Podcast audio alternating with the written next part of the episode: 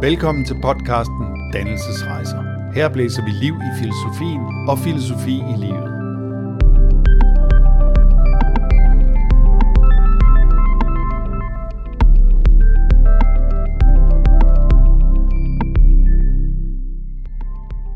Velkommen. Jeg er filosofen Anders Fogh Jensen. Og jeg hedder Rasmus Harsbo, og vi har lavet en filosofisk podcast. I podcasten Dannelsesrejser følger vi nogle helt almindelige mennesker, der er taget på dannelsesrejse. Og hvad er en dannelsesrejse så? En dannelsesrejse det er en rejse ud på en uge, hvor vi igennem undervisning giver overblik over et helt felt. Den moderne litteratur, arkitekturhistorien, alle tiders myter eller som her filosofisk livskunst. Men en dannelsesrejse er også så meget andet. Det er lange siesta, snak rundt omkring bordet, om de store og de små ting i livet, og en hel masse vandreture, hvis man har lyst til det. I den her podcast, der tager vi udgangspunkt i, hvad folk siger om deres eget liv og om, hvordan de har levet. Og så hører vi også et udpluk fra de forskellige undervisningspas om, hvad folk taler om på sådan en dannelsesrejse. I det her afsnit kan man møde de to praktiserende psykoterapeuter, Sanne og Helle, og høre om, hvordan det foregår, når de arbejder i gråzonen mellem psykologi og filosofi, og hvordan de synes, de to discipliner kan hjælpe hinanden på vej. Inden psykologerne kommer på banen, inviterer Anders og jeg jer lyttere med på en lille gåtur, vi var nede på i Andalusien, hvor jeg forsøgte at få styr på, hvad det er for en idé, der ligger til grund for Anders' projekt om dannelsesrejser. Så velkommen til podcasten Dannelsesrejser og rigtig god fornøjelse.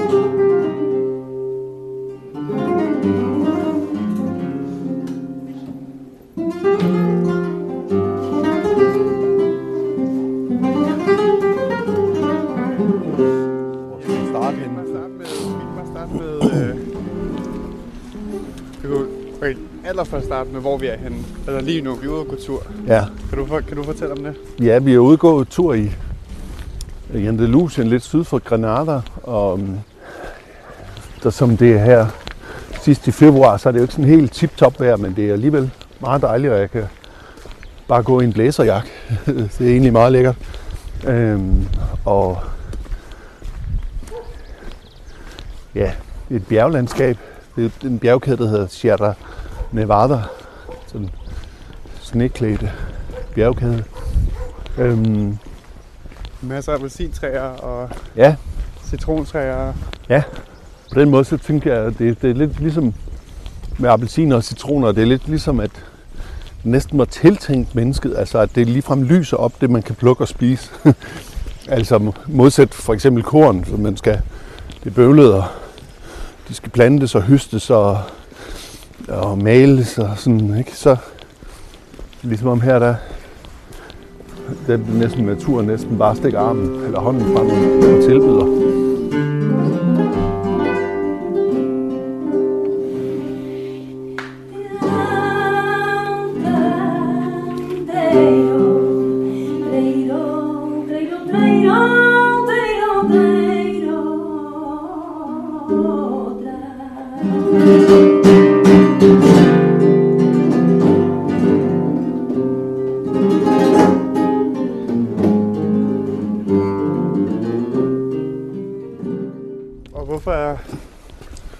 Kan det være, at ja, vi er taget på dansesrejse?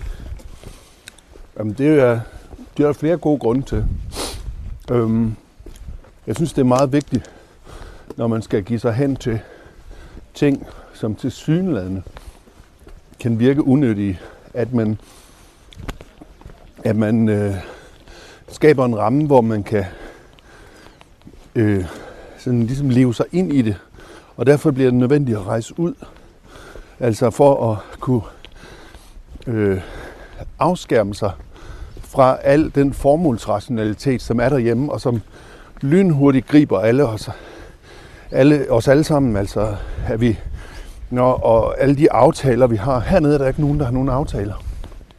Og på den måde kan man ligesom også bedre være sammen og give sig tid til at tale med hinanden, og øh, på den måde, så er man skåret af fra den, den omkringliggende verden. Det er jo i virkeligheden også det, der ligger i ordet tempel. Altså det er ikke fordi, at vi øh, beder eller noget som helst, men det, det græske ord temnai betyder afskåret. Og det er også det, som man har i kontemplation, for eksempel, at man tænker sig om. Øhm, og der tror jeg, at det at komme væk hjemmefra, det hjælper til, at man ligesom overgiver sig til de tanker, der nu er, er ugens tema. I det her tilfælde, hvad har filosoferne sagt om, hvordan man skal leve sit liv? Øhm, men det kunne også være litteraturen, eller arkitekturen, eller øh, myterne. Altså det, det at man øh, ja, tillader sig selv at, at gå ind i en, en verden, der hjælper det at flytte sig geografisk også.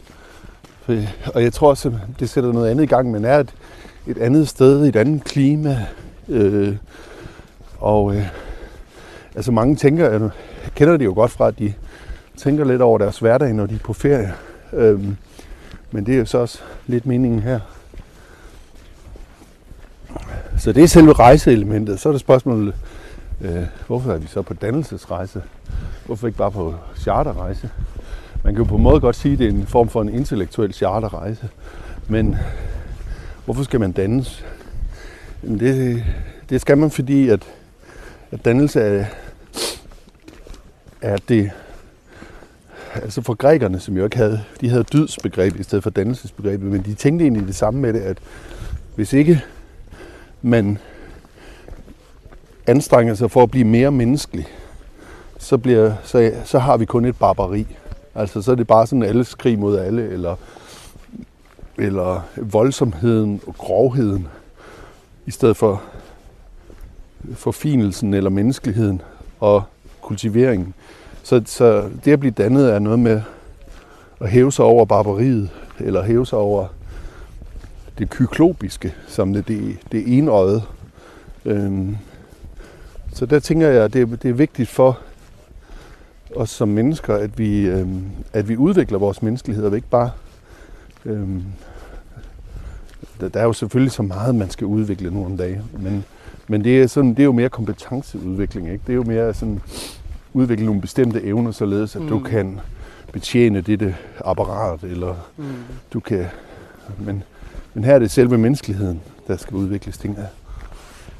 Jeg blev også mærke i, at øh, da du da du ligesom åbnede op for, for det første pas for den første undervisningsgang øh, for hvad, to dage siden nu, ja. øh, at der var sådan et, øh, hvad kan man kalde det, nærmest et angreb på logos. Øh, fordi de fleste, de fleste, når de møder filosofi, så er det jo med, med en bog, ty, øh, typisk. Så læser man det væk, filosofiens historie, eller, øh, eller en bog om kirkegård, eller af kirkegård, eller et eller andet den stil. Øh, men, men Platon han skrev jo selv øh, i et brev noget i retning af, at han ville da aldrig skrive noget ned, som han mente alvorligt. Nej. Øh, så det der ja, angrebet på logos, øh, som du var inde på, på i starten også, på noget med mytos og sådan noget. Ja. Øh, det, det er også, sådan jeg så i det, det var, at der var også noget ved at sidde her og vi kunne tale om det, og ikke bare gå hjem igen efter, ligesom man gør på, på, på, på et universitet, type, eller på et aftenskole eller et eller andet. Ja. Øhm, så ja.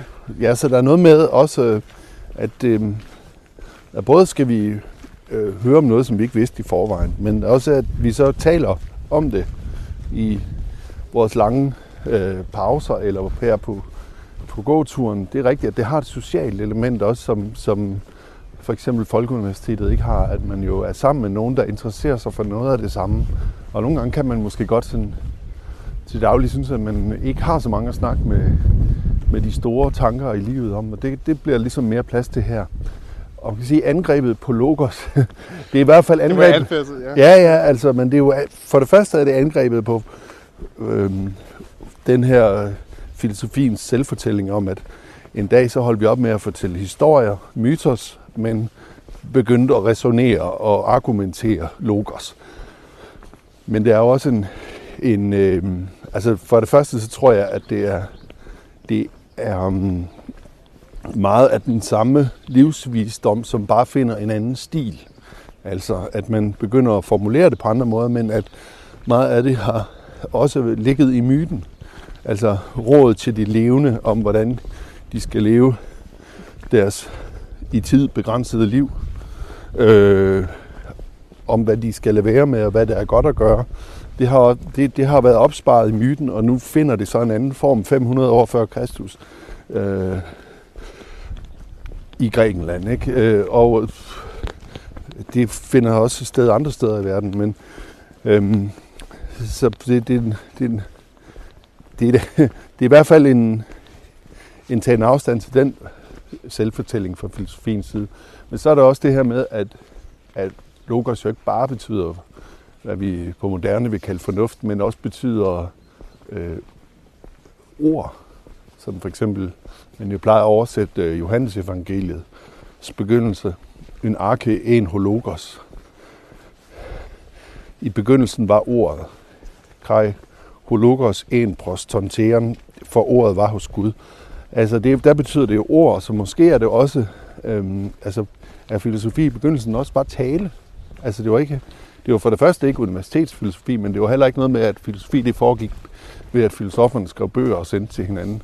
Nogle gange skrev de breve jo, øh, men øh, så de store øh, første filosofer har ikke, øh, har ikke øh, skrevet så meget. Og så, men der er nogen, der har skrevet om den, ligesom Jesus ikke skrev noget, men der var nogle evangelister, der skrev noget ned. Og, øh, og så er der også det her med, at, at filosofi jo faktisk var etik. Det handlede om livet. Det handler om, hvad, hvad, hvad er et godt liv? Hvordan lever man et godt liv?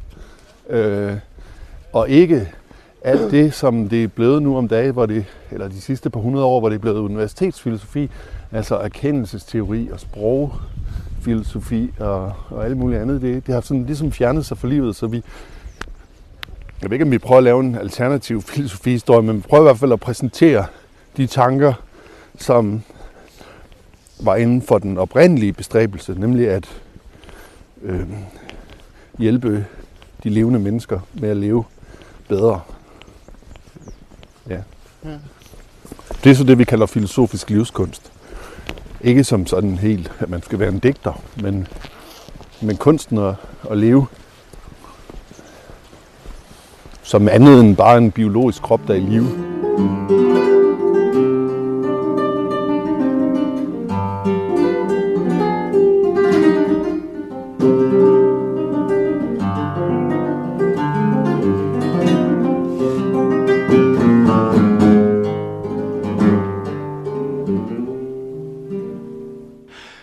dag i den moderne verden findes der en bestemt gruppe mennesker, som tager sig af de problemer, der opstår, når man har ondt. Ikke i benet, i ryggen eller ledene, men når man har ondt i livet. De hedder psykologer, og i vores tid er det netop dem, som er institutionaliseret til at arbejde med det levende ord, altså det som Anders lige kaldte logos, og med at hjælpe de levende med at leve, kunne vi sige. På dannelsesrejsen var vi så heldige at være i godt selskab med en god håndfuld af de her psykologer, og så kunne man jo spørge sig selv, hvorfor psykologer er interesseret i det, Anders her kalder filosofisk livskunst. Må psykologien bevæge sig uden for sig selv for at løse de problemer, den støder på i sin egen praksis? For at blive klogere skal vi have fat i to psykologer, som er med på dannelsesrejsen. Det er Sanna Nergård og her først Helle Valdan. Ja, det her det er mit kliniklokale, ikke? her hvor jeg arbejder hver dag øh, jeg er som psykolog. Og det har jeg gjort i ja, snart 20 år, tror jeg. Og øh, ja, så, og det er jo øh, almindeligt sådan med folk med alt muligt, der kommer her i min klinik. Ja. Jeg har ydernummer, så folk kommer med henvisning på alle mulige ting. Ja. Øh, og så er jeg ellers jo uddannet psykolog og psykoterapeut inden for den gestaltterapeutiske ramme eller metode. Mm-hmm. Og en af de ben, den hviler på, det, det er filosofien, altså eksistentialismen. Og det er jo også derfor, jeg har interesseret mig for filosofi og sådan noget ikke, igennem tiden. Den type psykologi, Helle praktiserer, altså en, der aktivt dyrker et godt naboskab med filosofien, eller som hun skal til at sige, så er det ikke den rene psykologi, der nødvendigvis har styringen i hendes praksis. Det er vigtige ting i mit arbejde også. Det er ikke kun sådan den rene psykologi og sådan. Så øh, altså det, jeg, jeg synes i hvert fald, når jeg arbejder, så breder det sig ud til forskellige andre faggrupper, eller som man normalt har skilt lidt ad, ikke? Mm. Øh, teologien og psykologien og filosofien, som Anders også skrev, det kunne være fint at lægge bygge bro imellem de to. Og det, for mig har der for egentlig aldrig været nogen øh, grøft imellem de to. Det, som Helle her henviser til, er det, som Anders og Anders kalder den ulykkelige skilsmisse mellem psykologi og filosofi, hvilket var undertitlen for dannelsesrejsen. Her forklarer de. Vil, vil du sige, hvad, hvad du tænker, du skal? Ja, det kan jeg godt. Altså, det, er jo, det er noget, jeg har, har, har talt noget om. Så rent historisk var psykologien og filosofien jo forbundet. Altså, psykologien var en underdisciplin af filosofien i 2500 år, indtil psykologien blev løsrevet og blev videnskabeligt gjort fra med slutningen af 1800-tallet. Der skete ligesom det, at, at, at, at de blev skilt fra hinanden, psykologien og filosofien, på den måde, at filosofi gav slip på alt det psykologiske og alt det terapeutiske og blev en ren sådan, tilbagetrukken teoretiserende over livet. Og, og, og psykologien gav også så på mange måder slip på filosofien, fordi den skulle være en, en empirisk videnskab med forbillede i naturvidenskaben og lægevidenskaben. Mm. Og hvis man læser den tidlige psykologis historie, så forstod de tidlige psykologer, i meget høj grad det, de lavede som et opgør med filosofien. Ikke? Altså, nu skulle man ikke længere være spekulativ, nu skulle man begrunde tingene empirisk og videnskabeligt. Og det førte til, at der var sådan en, øh, en slags skilsmisse mellem filosofien og psykologien, som på, på nogle måder har været øh, lidt ukonstruktiv, både for psykologien og filosofien. Fordi at filosofien har trukket sig tilbage fra at beskæftige sig med det sjæleliv, det meningsfulde. Altså, Øhm, og samtidig har det heller ikke været så konstruktivt for psykologien, fordi psykologien begyndte at forstå sig selv som en objektiv videnskab, der skulle være neutral og værdifri. Og det betød sådan rent sagt, udsagt, at man, man fjernede hele etisk, den etiske dimension for psykologi. Helles praksis er altså en atypisk form for psykologi i forhold til det her historiske perspektiv, som Anders og Anders lægger, fordi den forsøger hele denne ulykkelige skilsmisse. Jeg er ikke sådan en af de der psykologer, som tænker, at filosofi og teologi, det hører overhovedet ikke med ind. Altså det, det er slet ikke. Så, så, så det, er jo, det er sådan, det, det er udgangspunkt, jeg har for dels mit arbejde, men så også for at tage med. Mm. Og så er det jo også en dejlig måde at holde ferie på. Ja. det kunne måske derfor være interessant at finde ud af, hvorfor det er tilfældet.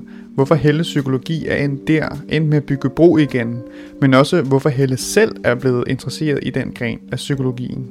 Nej, det var så senere, det kom okay. så på senere, ikke også? Altså, men, men jeg kan bare huske det der at læse Hans Kirk og ja. øh, altså hvad, hvad, og hvad, hvad står han for at jeg kender Jamen det var, nej okay, men det, det, det, var, det var sådan om, om hvordan vilkårene var øh, i, altså på vestkysten og om de der sociale nogle sociale ting mellem mennesker og sådan noget, sådan nogle voldsomme historier om hvordan livet var hårdt for nogen, ikke? Og også altså men altså det var jo det var alle mulige at, at over i altså omkring det med samfundet og mennesket og de vilkår, der nu gjorde livet hårdt for mennesker. Ikke også?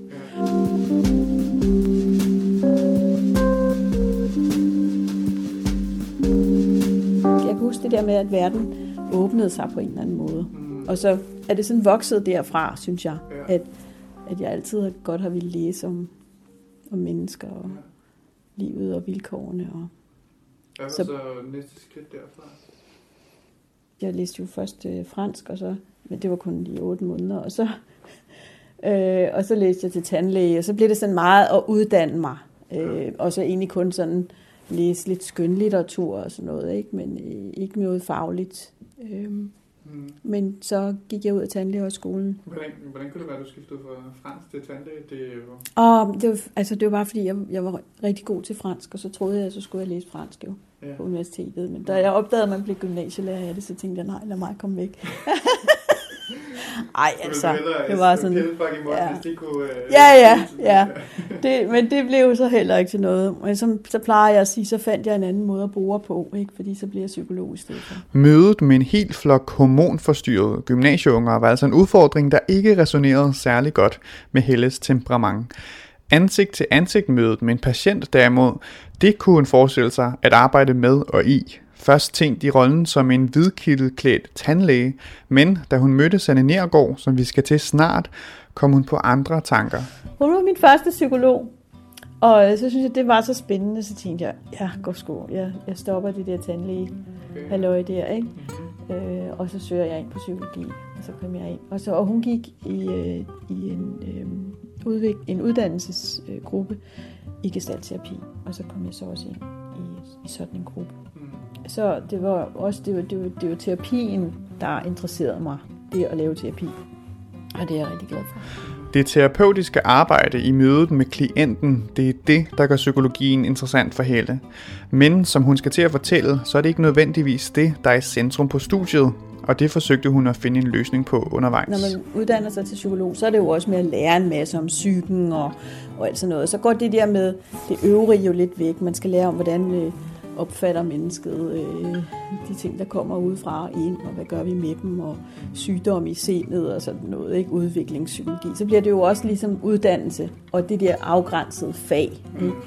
Men så, når man bliver færdig, og så sideløbende med, at jeg læste på universitetet, begyndte jeg på sådan en gestaltterapeutisk uddannelse. Og, og så kom der, ja, imens. Og, øh, og så kommer der jo andre, andre øh, ikke fag, men lidt andre bøger ind, sådan om det eksistentielle. Ikke? Når nu er gestaltterapi, så er man jo nødt til at læse øh, Sartre og Camus og alt sådan noget. Ikke? Så begynder det derfra. Ja, ja. Med et sideløbende kursus i gestaltpsykologi var Helle så på rette vej, og det er derfor hun dengang og den dag i dag både er personligt og professionelt interesseret i filosofi. Ja, så jeg tænker, det er anvendt filosofi, hvis det er der vist nok noget, der hedder. Men, øhm, det men om, det er det, de, om det er det, de mener med det, det ved jeg så ikke. Øh, men det er det, jeg tænker, jeg sidder og laver. Mm. Men ud, det er jo ud fra psyko, altså en psykologisk øh, vinkel, tænker jeg. For Helle er der altså et klart overlap mellem de to, men hvor går grænsen så, kunne man spørge, eller hvor i ligger det forskellige, som de kan komplementere hinanden med? Og det psykologiske er vel, at det er noget, som er, at mennesket kommer til at stå i. Ikke? Altså, at, at det, er, det, er en, det er en psykologisk problemstilling at stå i det, men bruger filosofien til at løse det på en måde. Okay. Ja, det ved jeg ikke. Altså, altså til at, altså psykologien at vi mennesker, beskrive, eller hvad kan man sige, jamen, altså, vi mennesker, at vi mennesker er i sådan nogle situationer, ikke? Yeah. Og, og så, så, så er det en psykologisk problemstilling. Hvad skal jeg blive, eller skal jeg gå fra min mand, ikke? Okay. Øhm, eller skal jeg, skal jeg skifte arbejde, eller hvad, hvad, yeah. hvordan skal jeg leve mit liv? Men at vi så bruger filosof, filosofien, som har beskrevet nogle af de her ting med, at jamen, valg og ansvar og, mm. og skyld og alt det der. At mm. bruge den side, fordi det, det, det synes jeg egentlig ikke, psykologien kommer rigtig ind på. Okay. På, hvordan løser vi så egentlig de problemstillinger, mennesker står i. Det, det gør de terapeutiske metoder, men de bruger jo så filosofierne til at lave metoderne. Psykologi, som Helle lægger det ud her, har altså en grænse.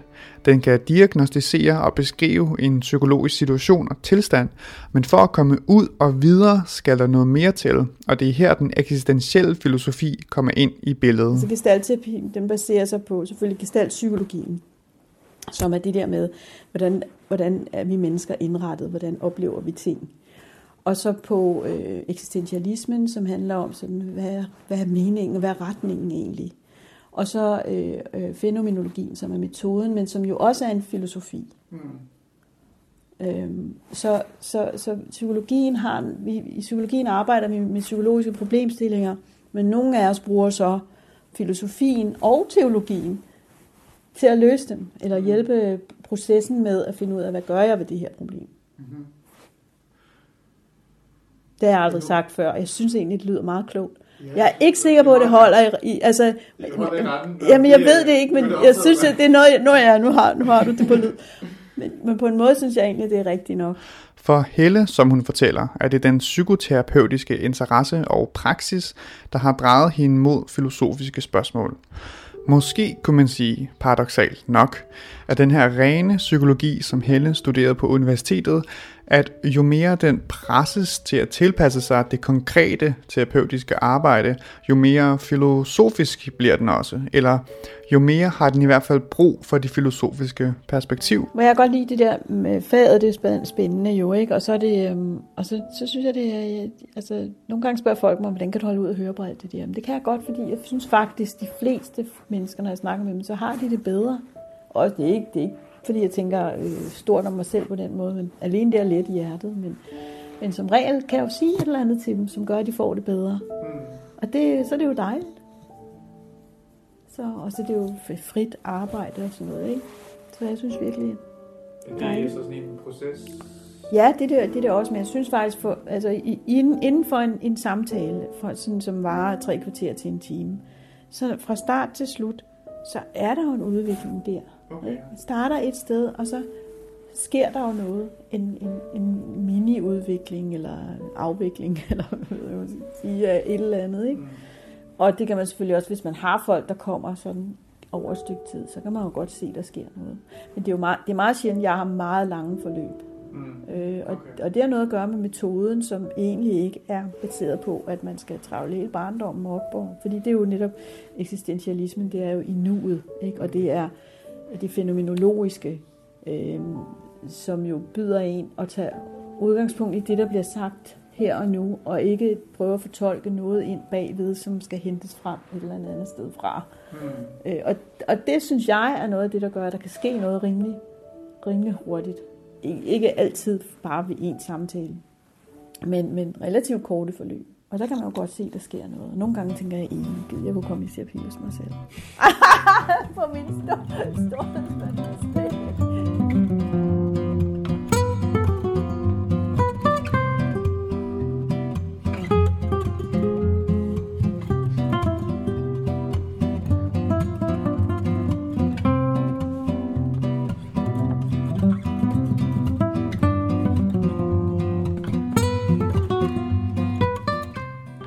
Den psykologi, som Helle arbejder med, gestalterapien, har altså ben i mange lejre, i en form for klassisk psykologi, i eksistentialismen, fænomenologien og endda teologien.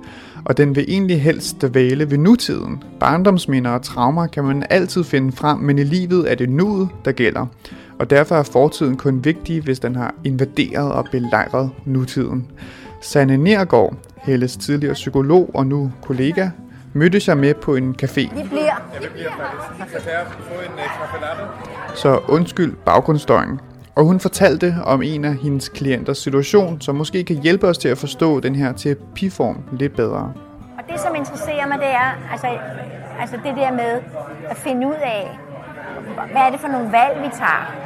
Hvad ligger der bag de valg? Og hvor, hvor, vores vej derhen? Og, og, og hvis man har det skidt, hvordan kan det være? Kan vi finde tilbage til kan vi finde tilbage til, hvorfor du havnet her. Altså, det, det interesserer mig. Og hvordan arbejder du øh, med det med dine klienter?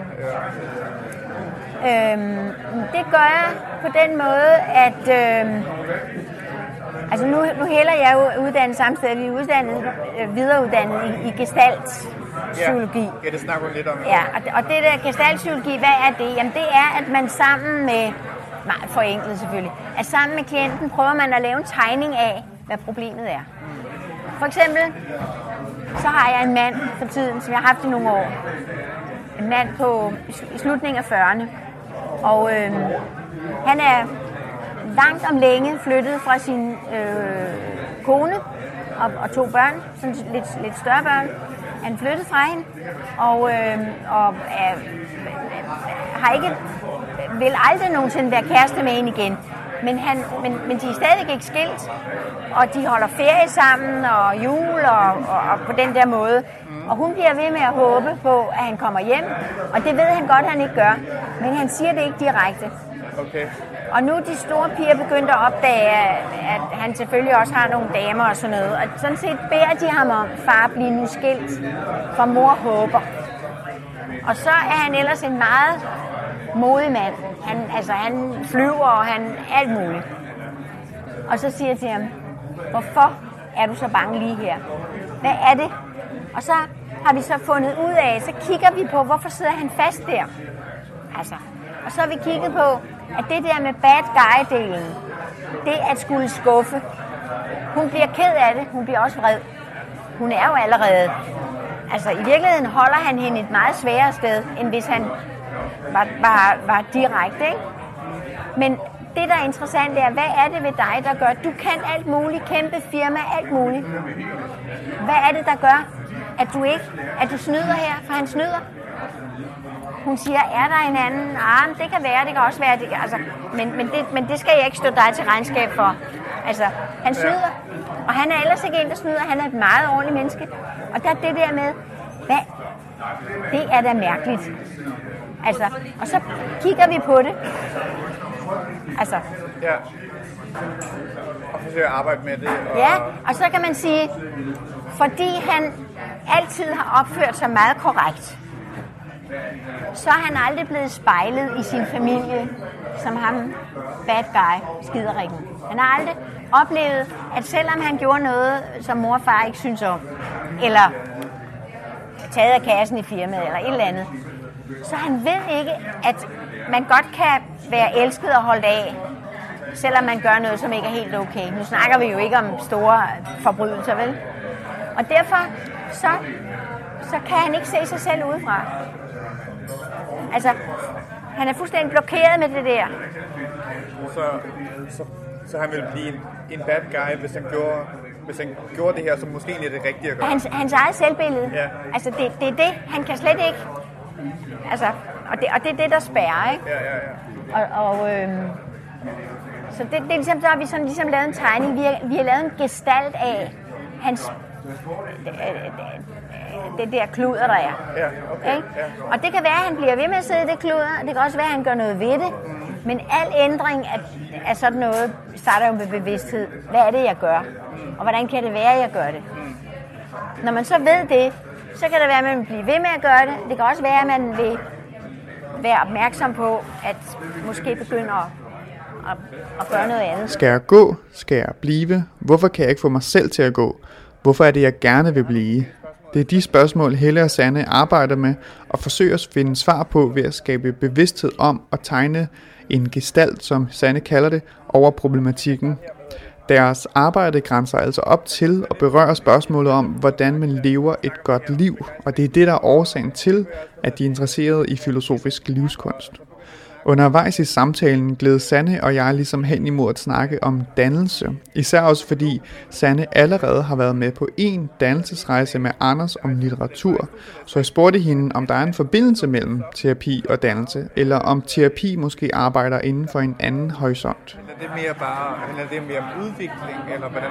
kan Ja, det handler, det er mere lavpraktisk. Ja. Men, men jeg vil sige, at det er derfor, jeg synes, at, at, altså, at når, når man er så gammel, som jeg er, har, og været i det så mange år, så er der grænser for, hvor meget nyt man kan lære. Det vi ved omkring terapi, og det der virker med terapi, det er mødet. Det er kontakten, det er at blive set.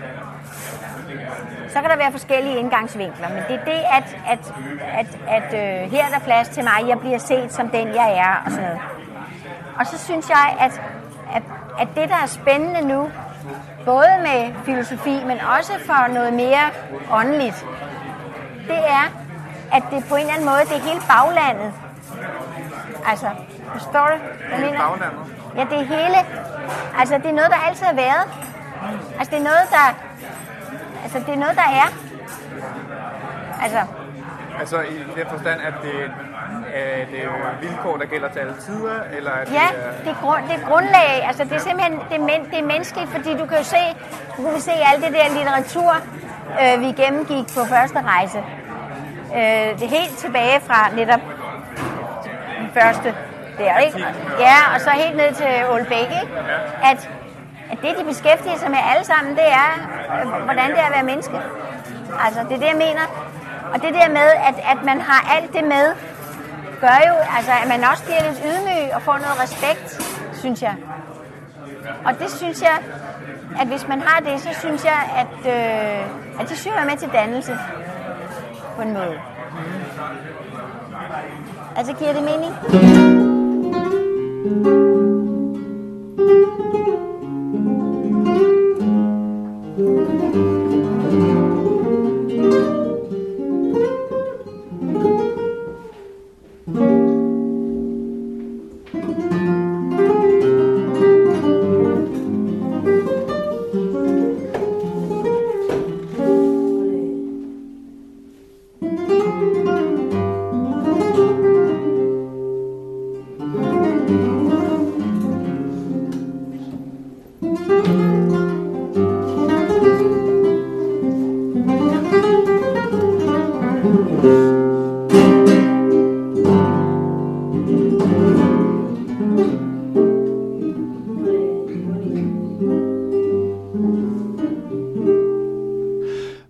Dannelse skal vi altså et andet sted hen end der, hvor terapien udspiller sig, som er i mødet mellem terapeut og klient.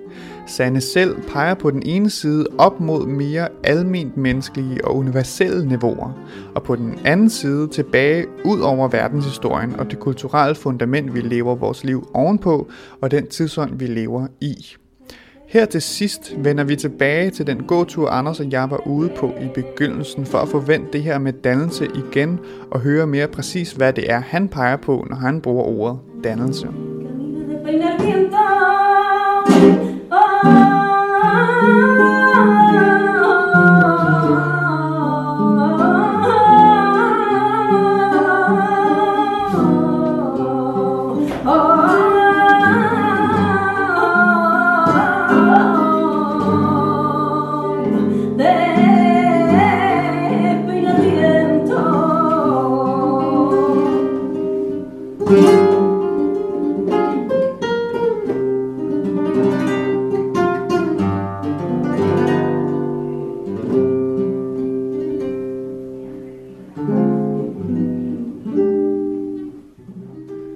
Egen, min egen sådan personlige grund til at, at prøve at give mig i kast med de her dannelsesrejser, det er også, at jeg selv kommer fra et meget uddannet hjem. Altså, der var ikke noget musik i mere end en betydning af ordet. Altså, der var ikke, der var heller ingen bøger.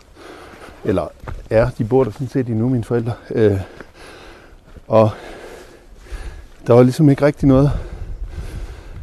Altså, de var, der var jo nok kærlighed, men der var ingen ånd. Så på en måde så var det sådan lidt åndløst og sammenklappet. Og ånd, ja, sådan åndfattigt.